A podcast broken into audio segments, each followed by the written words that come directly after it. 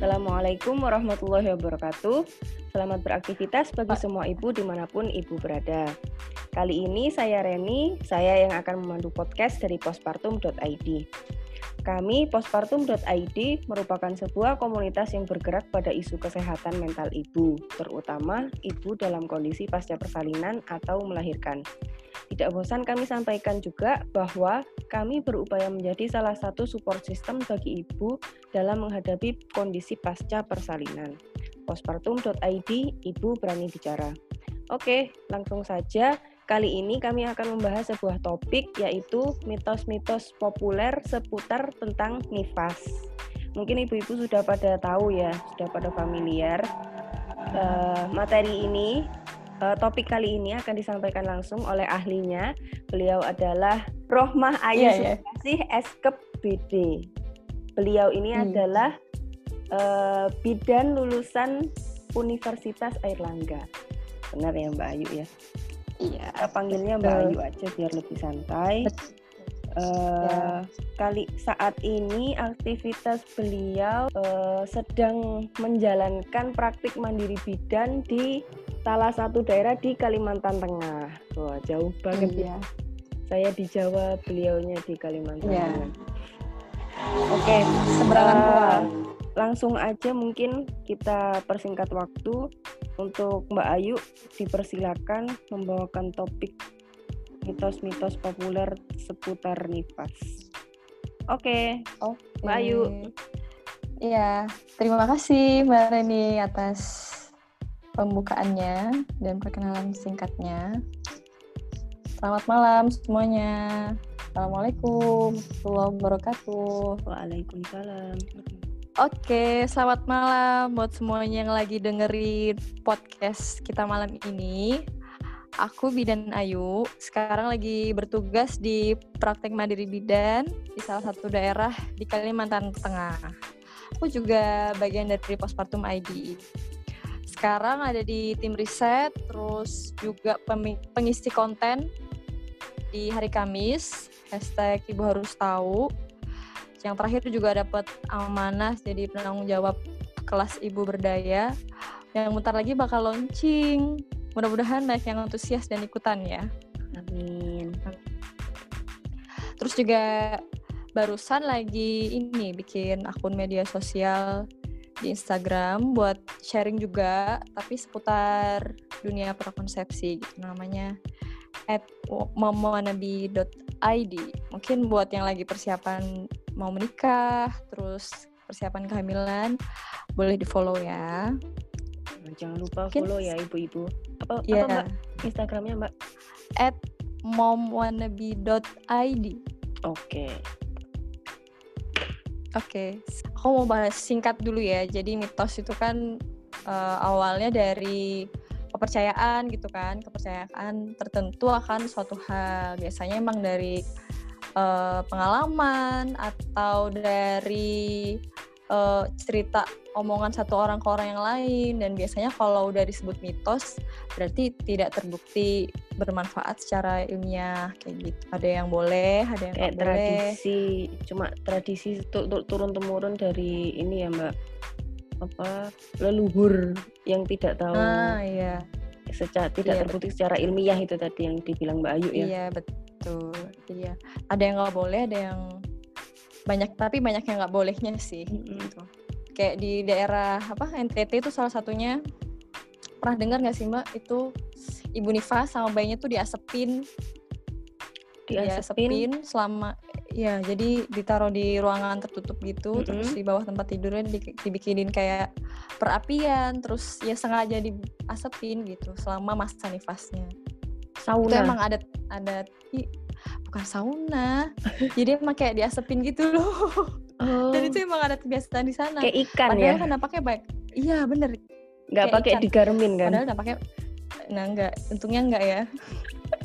nah kayak gitu-gitu tuh praktiknya kayak gitu tuh emang makanya pentingnya bahas mitos tuh karena emang banyak uh, hal-hal simpel tapi hmm. yang bawa dampak negatif besar gitu buat kesehatan ibu dan anak kayak gitu perlu banyak diedukasi seperti itu ya Mbak ya. Iya, betul. Kita mau bahas berapa mitos nih malam ini? Oh, mau bahas, bahas berapa mitos? Mungkin tiga kali ya. Eh dua, dua, dua, dua. Oke, kita kita batasi dua dulu aja ya. Mungkin lain waktu ibu-ibu ada masukan mitos apa yang pengen dibahas, baru kita bahas lagi. Kalau semua mitos dibahas dari Sabang sampai Merauke, capek juga kita ya, nggak selesai-selesai Iya, podcastnya ya. betul.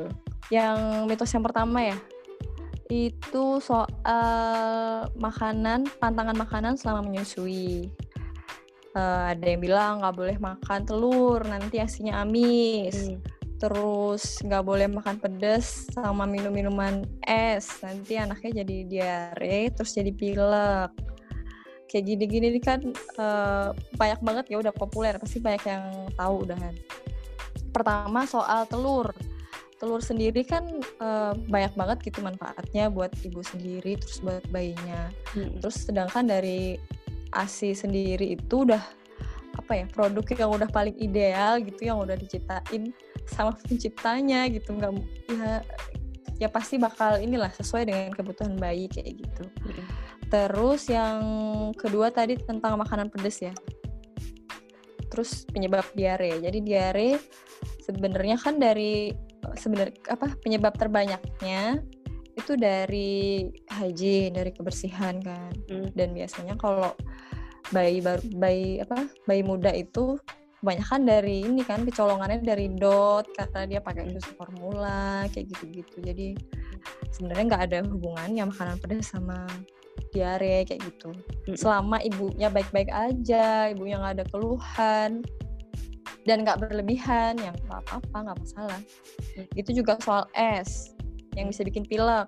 Padahal pilek itu sebenarnya ditularin dari orang yang kontak sama bayi gitu kan, bukan karena asinya. Seringkali misalnya jadi namanya bayi gitu kan, dia cium ebel gitu.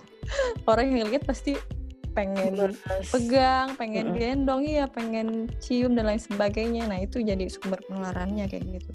Jadi eh mitos seputar makanan emang nggak cuma di Indonesia sih, di luar negeri juga banyak.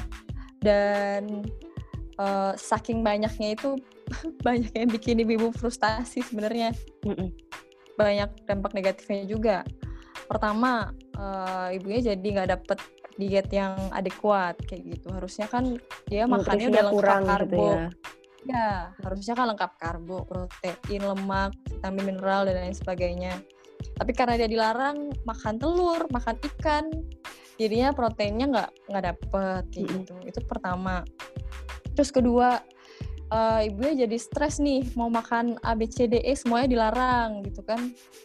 Sedangkan itu yang dia suka. Padahal kita tahu kalau ibu nifas eh, dapat tekanan stresor yang cukup banyak besar bisa jadi ganggu kondisi mentalnya juga gitu kan. Itu kerugian yang kedua. Terus ketiga endingnya nih ada juga nih hasil riset ya.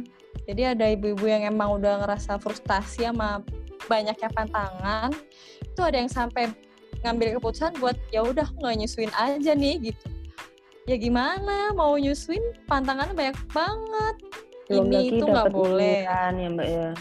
iya Hmm, kamu nih Mau makan- kamu nih makan ini bayimu kayak gini gitu ya mbak ya. nah disalah-salahin kan Heeh. padahal jadinya. karena Iya nih ibunya ya. putusannya jadi nggak menyusuin jadi rugi ibu dan bayinya kan Mm. bayinya nggak rugi ibunya juga rugi gitu itu yang pertama sih jadi emang banyak banyak kerugiannya lah kayak gitu dari pantangan makanan ini Bentar-bentar. Emang kalau asinya amis tuh bau amis gitu kan? nah itu dia nggak tahu juga gimana caranya orang nilai bau amis ya Ih kan emang emang kayak gitu. Ya emang kayak gitu kan. emang Mau mereka berharap gitu asi itu bau apa? Beraroma ada vanila sedap atau green tea? gitu ya. jadi coklat jadi, jadi boba milk tea ntar. oh iya bener nggak jadi asi dong iya makanya. Amis tuh. Oh, kayaknya Atau itu mungkin bayinya nggak mau nyusu gitu ya? Kayak gimana sih? Karena amis. nggak tahu juga makanya Ini bikin bingung ya Ya, mitosnya masa ya. orang yang bilang ngerasain jangan-jangan ya iya iya bener dia in- incip dikit asinya icip ibunya ya kok amis ya gitu Oke. padahal bayinya suka gimana dong Makan telur bikin ASI amis itu kan mitos. Kalau misalnya makan telur bikin alergi, itu mitos atau fakta, Mbak? Bisa jadi tapi itu eh, tergantung dari tiap-tiap individu sih makanya syarat makannya itu yang nggak boleh emang kalau emang ada alergi ya dihindarin kayak gitu alergennya kayak Oh. gitu sih Berarti ada kayak Dan- gitu ya. Iya ada emang ada yang kayak gitu sensitif kadang ibunya nggak alergi tapi ternyata bayinya Mm-mm. yang alergi kayak gitu Mm, jadi emang Oke. harus dikenalin lah harus kenalin diri sendiri dan bayinya prinsipnya pilih makanan yang terbaik eh, terus jangan berlebihan cara tahu gimana makan yang terbaik eh, misalnya kalau dapat saran atau nyinyiran atau dengar mitos tertentu ya pas lagi kunjungan nifas atau gimana ketemu sama tenaga kesehatan yang mending tanya gitu banyak-banyak tanya Mm-mm. ini tuh beneran apa enggak gitu Mm-mm. atau aku harus makannya yang kayak gimana gitu, Ya. buat ngindarin dan buat jaga kesehatan ibunya juga yang bayinya kalau yang makan pedes, Mbak. Itu Kalau ada yang makan pedes- kalau aku baru aku habis baca tuh ada zat capsaicin atau apa gitu yang bisa emang bisa bikin diare, bener apa enggak? Bayi bikin bayi diare. Iya. Oh, itu tapi jarang sih, jarang sih karena kandungannya itu emang minim, minim Hmm. di ah, di dilewatkan lewat ASI kayak gitu. Berarti Makanya pengaruh prinsipnya ya? jangan berlebihan. Iya, Oh. jarang. Jarang jarang banget karena emang minim ke ASINya. Terus eh, prinsipnya juga tadi makannya jangan berlebihan kayak gitu. Terus Ya. Ibu Nifas kan juga harus mikirin nih apa gizi terbaiknya buat si bayi nih. Apa bener gitu masa mau makan pedes pedes doang segitu banyak terus kandungan gizi yang lainnya gimana terpenuhi apa enggak? iya gitu. Mbak, jadi intinya tidak berlebihan. Kalau ini bayi eh, BAB-nya keras karena ibu makan daging, kebanyakan makan daging. Ada nggak sih? It- Jadi itu- itu- kurang serat gitu. Jadi kurang serat, bukannya itu buat ibunya sendiri ya? Kok bayinya ikut iya kayaknya konstipasi juga? itu bayinya menyusui doang apa dibantu susu formula biasanya eh, formulanya sih biasanya kan ada yang disambi tuh Mm-mm. ASI sama susu formula. Nah, biasanya dari susu formulanya bisa dicoba. Kalau misalnya susu formulanya diencerin, biasanya jadi ini bayinya udah inilah normal lagi gitu. Oh, Biasanya kebanyakan sih kayak gitu. kalau Jarang kalau misalnya dari makanan. pure ASI. Kalau pure ASI Hmm? terus dia terus bayinya ini konstipasi. Bisa jadi ibunya kurang serat ya. Hmm, jarang Pengaruh sih. nggak sih? Kalau konstipasi itu eh biasanya dari ini apa? Biasanya ada kontraksi ususnya dia yang ada ada masalah biasanya kayak Hmm. gitu. Eh, yang kedua ya oh, soal asi nggak cukup. Jadi ini biasanya karena bayi masih nangis, terus ibunya jadi mikir asinya nggak cukup. Atau bayi laki-laki biasanya kan, ah ini dia nyusunya kuat banget nih, nggak cukup kayaknya kalau cuma asi. Harus dibantu sama susu formula. Itu juga bisa. Atau biasanya bayi kembar. Kan bayangannya, wah dua orang nih yang minum, dua bayi gitu kan, Mm-mm. bakal nggak cukup. Padahal ternyata eh, kebanyakan anggapan-anggapan itu tuh sebenarnya cuma persepsi Mm-mm. eh, ternyata yang sebenarnya tuh aslinya aslinya cukup aja cuma ibunya yang khawatir berlebih kayak gitu atau bisa juga orang lain yang bilang ih bayimu nangis terus tuh gitu. Kayaknya sih nggak cukup deh kasih aja Hmm. susu formula kayak gitu kan jadi eh, akhirnya ibunya bisa mutusin ngasih susu formula beneran. Terus yang kedua ibunya bisa jadi stres sendiri gitu karena ngerasa jadi ibu yang gagal gitu kan. Aku nggak bisa ya menuhin kebutuhan anakku gitu. Ketika ibu udah mutusin pakai susu formula mau nggak mau kan akhirnya eh, direct breast- breastfeedingnya nyusuin secara langsungnya jadi berkurang nah ketika menyusui langsungnya berkurang produksi asinya juga bakal berkurang beneran dong jadinya ya kan Tersugesti. And, nah iya, terus endingnya eh endingnya hasilnya beneran berkurang dan nggak ada udah. Jadinya seakan-akan anggapan ibu yang di depan tadi yang rasa asinya nggak cukup tuh seakan-akan bener gitu Hmm. ya kan akhirnya ketika dia udah nggak nyusuin ya bayinya jadi nggak ngedapetin haknya yang seharusnya dia dapat gitu belum lagi ibunya tadi merasa gagal misalnya merasa Hmm. gagal terus kecewa stres dan lain sebagainya udah deh makin tuh eh, apa hormon stresnya bikin asinya makin ini kan Baper Eh, nggak- karena baper iya. ya. Baper. iya udah endingnya bener-bener asinya udah berkurang dan nggak keluar Hmm. Akhirnya kan eh, bayinya nggak ngedapetin haknya terus Mm-mm. ibunya yang tadinya stres bisa jadi berkepanjangan gitu nggak cuma sekedar asinya berhenti bisa jadi gangguan kesehatan mental juga Iya, iya. gitu Panjang urusannya ya. itu banyak sih ya itu tuh beneran banyak banget dari selama aku kuliah terus profesi sampai sekarang itu yang bener-bener kayak mengganggu dikit-dikit bilang asinya nggak cukup kayaknya gitu Mm-mm. Padahal lambungnya bayi kan kecil banget ya. iya Lambungnya bener kecil. Terus minumnya nggak terlalu banyak, tapi sering, iya ya kan? iya betul terus bayi nangis kan juga nggak melulu mintanya asi doang Mm-mm. jadi dia dia nggak nyaman. terus Iya. mm, kepanasan atau pengen dipeluk pengen digendong pengen di apa didengerin sesuatu yang dia suka denger waktu dia masih dalam kandungan misalnya banyak hal gitu kan wong bayi cuma bisanya nangis mau gimana mau digimanain bayinya mau disuruh ngomong Suruh WA. iya suruh WA mamanya Hmm. bilang dia mau minta apa Betul.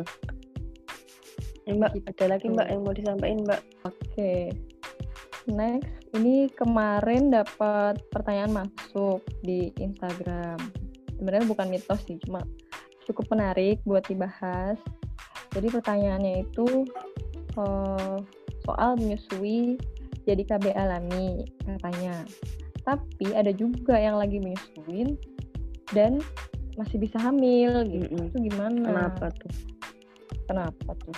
Mm-mm. Nah, eh, sebenarnya KB alami menyusui ini atau disebut metode menorelaksasi itu se- eh, banyak syaratnya gitu. Jadi perlu emang perlu konsisten terus yang benar-benar fokus buat menyusuin aja di rumah. Karena emang syaratnya harus menyusui secara langsung kan. Dan ada durasinya, terus frekuensinya juga sama jaraknya. Yang Jarak pertama itu dari jarak menyusuinya antara Iya. waktu menyusui. Jadi misalnya dalam sehari itu total menyusuinya tuh harus 4 4 jam dalam sehari. Kalau dibagi ya, kalau dibagi misalnya menyusuinya sekali menyusu tuh 30 menit. Itu Hmm. sekitar 8 kalian berarti kan? Hmm. 8 kalian sehari. Kalau misalnya menyusuinya cuma 15 menitan sekali nyusu berarti 16 kali dalam sehari. Terus jaraknya itu harus nggak boleh lebih dari 4 jam. Misalnya tidur nih, bayinya tidur. Terus dia tidurnya lebih dari 4 jam, berarti kan nggak menyusu tuh Mm-mm. selama 4 jam tadi. Nah, itu udah menggugurkan syaratnya ini tadi. Kriteria KB alami. Iya. Jadi emang banyak banget faktornya kayak gitu. Emang butuh banyak effort lah buat pakai KB alami ini. Tapi kayak gini ini bisa jadi ini loh, apa? Stigma juga. Mm-mm. Jadi orang yang mau pakai KB alami jadi nggak berani, takut gagal dan lain sebagainya. Harus pakai KB yang ini ya. Iya, KB apa? Eh pendamping apa dibantu pakai alat KB yang lain. Mm, betul. Mm-mm. Jadi emang Oke. banyak faktor yang bikin dia gagal gitu. Oke, makasih banyak Mbak Ayu. Baik itu tadi telah disampaikan topik tentang mitos-mitos populer seputar nifas. Semoga bisa bermanfaat buat ibu-ibu semua yang mendengarkan podcast kami. Akhir kata, kami akhiri podcast kali ini. Sampai jumpa di podcast selanjutnya. Postpartum.id, Ibu Berani Bicara.